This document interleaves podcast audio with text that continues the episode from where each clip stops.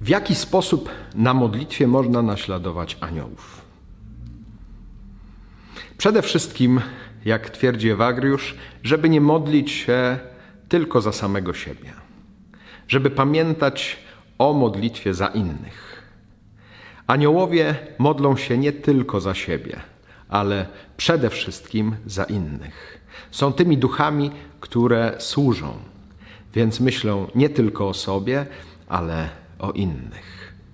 Jeżeli chcemy być podobni w modlitwie do aniołów, to oprócz tego, że modlimy się za siebie, co jest oczywiście bardzo ważne, bo trzeba kochać samego siebie, ale żeby modlić się też za innych.